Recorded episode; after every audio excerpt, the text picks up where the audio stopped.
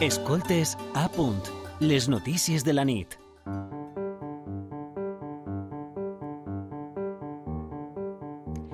En el Dia Internacional de la Llengua Materna, un estudi alerta del creixement de la desigualtat lingüística del valencià. El treball conclou que en quatre de les regions sociolingüístiques valencianoparlants, a pesar que augmenta el coneixement, disminueix l'ús real que es fa de la llengua. Anna Moure. Creixen les competències en valencià o el que és el mateix el coneixement de la llengua, però es redueix el seu ús al carrer. Susana Pardines és coordinadora d'Identitat i Cultura de la Fundació Nexe i Marc Hernández Montoro és autor de l'informe sobre desigualtat lingüística. La tendència en pràcticament totes les regions sociolingüístiques és de decreixement. La primera impressió d'una persona és trobar-se amb algú i parlar en castellà. Crida l'atenció que això passe sobretot en zones on fins ara era menor eixa desigualtat entre coneixement i ús del valencià. Per exemple, la regió Alcoi-Gandia, tota la zona zona de les Riberes. Són les conclusions d'un informe de la Fundació Nexe que s'ha presentat este matí i que recull dades de totes les enquestes sobre ús del valencià que s'han fet entre el 2005 i el 2021. Calculen un decreixement entre un 5 i un 10%. Necessitem que això s'estudie i que la gent es vagi donant compte sobre la situació actual de la llengua. Això ha de fer també reflexionar sobre quines polítiques lingüístiques s'han de fer. Som com la llum del sol, com les nits d'estiu, com entrar nuets al riu, com alçar el vol. Som amor ben repartit i de per vida, i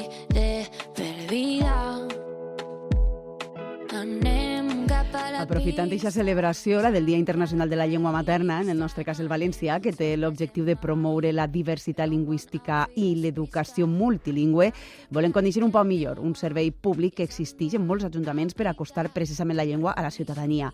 Perquè hem de parar atenció també al que diu la UNESCO, que destaca la importància de preservar totes les cultures i totes les llengües, alhora que adverteix que de mitjana cada dues setmanes desapareix una llengua. Això significa una pèrdua irreversible de patrimoni cultural i intel·lectual. Per aquest motiu és tan important reconèixer el valor de la diversitat lingüística i cultural i promoure el plurilingüisme a les aules i les cases. I per això mateix, en este moment, ens aturem per a conèixer en certa profunditat el Servei de Normalització Lingüística o Agència de Promoció del Valencià a Viva i ho fem de la mà d'Empar Minguet Tomàs. Ella és tècnica de normalització lingüística a l'Ajuntament de Silla, professora i investigadora. Bona nit, Empar. Bona nit, Sara. El Servei de Normalització Lingüística o Agència de Promoció del Valencià és un servei públic que té com a objectiu la normalització lingüística a l'Ajuntament i, i al municipi. I per a qui no estiga familiaritzat, podem trobar aquestes oficines en nombrosos consistoris d'arreu del territori. Imaginem que la idiosincràsia de cada poble marca un poc la tasca que es fa, però en general com funciona este servei i, i què ofereix des de la teua experiència? Els serveis de normació lingüística, o AVIVA, que s'anomenem ara, normalment apareixen, consiguem als ajuntaments per una necessitat de corregir o de traduir alguns documents eh, i perquè la llengua, perquè el valencià estigui escrit de forma correcta. Per tant, en un principi la nostra tasca sempre és corregir o en alguns serveis lingüístics es fan és traduir, però en el meu cas sempre corregim doncs, aquells documents que han de tindre sobretot molta difusió, de vegades poden ser informes de, de tècnics o corregir totes les sol·licituds o el tema de la pàgina web. Clar, eh, una administració ha de donar un servei públic de qualitat i també ha de, ha de fer un valencià. Per tant, és un poc aquesta necessitat eh, per la qual es creen aquests serveis lingüístics. Uh -huh. eh, de vegades, quan ja tenim una base i la gent ja té una formació, perquè també solem eh, formar a, al, al, al personal de la casa per a que puguen eh, ser autònoms i, i treballar en valencià, doncs sí que també solem assessorar a bé associacions o comerços per a que puguen retolar eh, els retols en valencià o que puguen fer alguns díptics, eh, o per exemple en les falles actualment doncs es estem, per exemple, des de l'Ajuntament de Silla, es estem donant un suport a la correcció de molts textos dels seus llibrets per a que tinguin una certa qualitat lingüística perquè, a més a més, es us demanen. Al final es crea una necessitat eh, a aquest servei lingüístic. Uh -huh. A la comunitat valenciana hi ha almenys una vuitantena d'aquestes oficines a Viva. Hi ha una coordinació entre les diferents eh, oficines? Teniu contacte? Sí, sí, sí. Nosaltres, totes les, totes les agències de promoció de València de d'ací del País Valencià, Eh, sí que ens reunim una o dues vegades a, a l'any eh, per a tractar de vegades temes que, que ens afecten o sobretot per a coordinar-nos entre nosaltres i poder fer campanyes que puguen arribar eh, campanyes de sensibilització que pugui costar-nos menys diners i arribar, per exemple, a més gent. Eh, així podem veure de vegades eh, en el moment de rebaixes que n'hi ha moltes tendes de qualsevol poble que tenen els mateixos cartells de rebaixes i descomptes.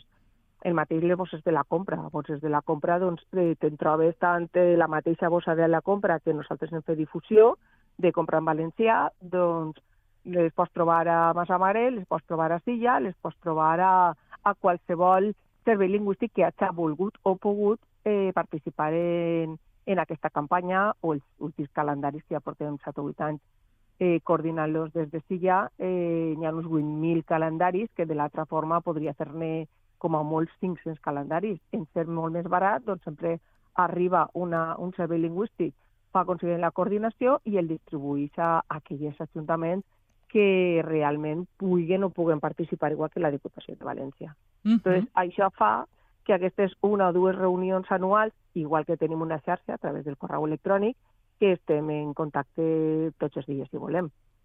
I per tant, sí, la coordinació és molt bona i la relació entre nosaltres també. Perfecte.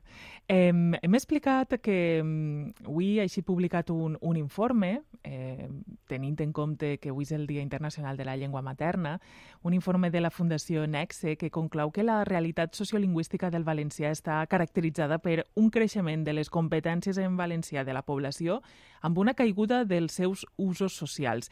I sobretot diuen que la tendència que marquen les enquestes és que la desigualtat lingüística referida al valencià creixerà en la major part de les regions sociolingüístiques valencianes, especialment les que ara presenten una desigualtat menor. Per això consideren que si no es prenen mesures de política lingüística efectiva, assistirem a un increment general de la desigualtat lingüística. En aquest context, quina és la importància d'un servei com com, a viva per a pobles com Silla, com uh, Paiporta, com, uh, no sé, eh, Burjassot o Xixona, per, per dir alguns? Ah, a veure, eh, en un ajuntament en el que les competències que tenim un servei lingüístic són evidentment dins del municipi. Aleshores, dins del municipi jo puc treballar dins d'aquest municipi, donar suport a les falles, donar suport a les associacions, als comerços, puc fer voluntariat pel valencià, per tota aquesta eh, gent nouvinguda o no nouvinguda, que està sigut durant molt de temps, però no s'atreveix a parlar valencià. E intentem ampliar aquest ús. Uh -huh. Però sí que és cert que si no se prenen algun tipus de mesures més efectives, com eh, que hi hagi un requisit lingüístic, evidentment l'ús de la llengua va decaure bastant. Per quin motiu? Doncs jo puc formar en aquests moments a la gent de l'Ajuntament, la gent de l'Ajuntament sí que ens sap en aquests moments i treballen en valencià. Si entra gent nova a treballar que no té, no hi ha un requisit lingüístic, gràcies que l'Ajuntament de Silla sí que el té des de fa molts anys, però n'hi ha molts ajuntaments, una gran majoria, que no el tenen. Què significa? Doncs que, evidentment, l'ús de la llengua, si no en saben, és impossible ni que el parlen ni que l'escriguen. També tenim, per exemple, el món de l'ensenyament si ne ve molta gent, per exemple, de fora, hem d'ajudar a que aquesta gent s'integre un poc, perquè si no ten, tendim a, quan una persona no ens entén, en ser bilingües doncs parlen castellà. I això farà que a poc a poc doncs el, el nivell de valencià d'ús vaig en decaïment. El mateix, per exemple, si no n'hi ha cinema en valencià en estiquets. La llengua o és important i és necessària o la gent, evidentment, ja no és que no l'use, si no l'aprèn és impossible d'usar-lo i per tant de vegades hem de fer que la llengua siga útil i necessària, si no evidentment i malauradament eh, l'informe eh, tindrà raó que anem, anem cap a baix i no superant l'ús. Tenim molta competència gràcies a l'ensenyament, però si no hi ha polítiques efectives d'acollida, de, de requisit lingüístic i de fer que la llengua siga important, eh, doncs evidentment si la llengua no és important i sobretot si és necessària, doncs aleshores la gent deixa de, de parlar i se'n va al castellà. Doncs, Empara, eh, ens quedem en aquest missatge, intentar que la llengua continue sent important, cuidar-la per a que siga útil i, com dius, rellevant en l'ús social. Moltíssimes gràcies per haver-nos apropat un poc més la tasca del Servei de Normalització Lingüística o agències de promoció del valencià de, dels ajuntaments, en este cas a través de, de l'Ajuntament de Silla, que és on treballes com a tècnica de normalització lingüística. Sí. Moltes gràcies i fins Moltes a la propera. Moltes gràcies a vosaltres.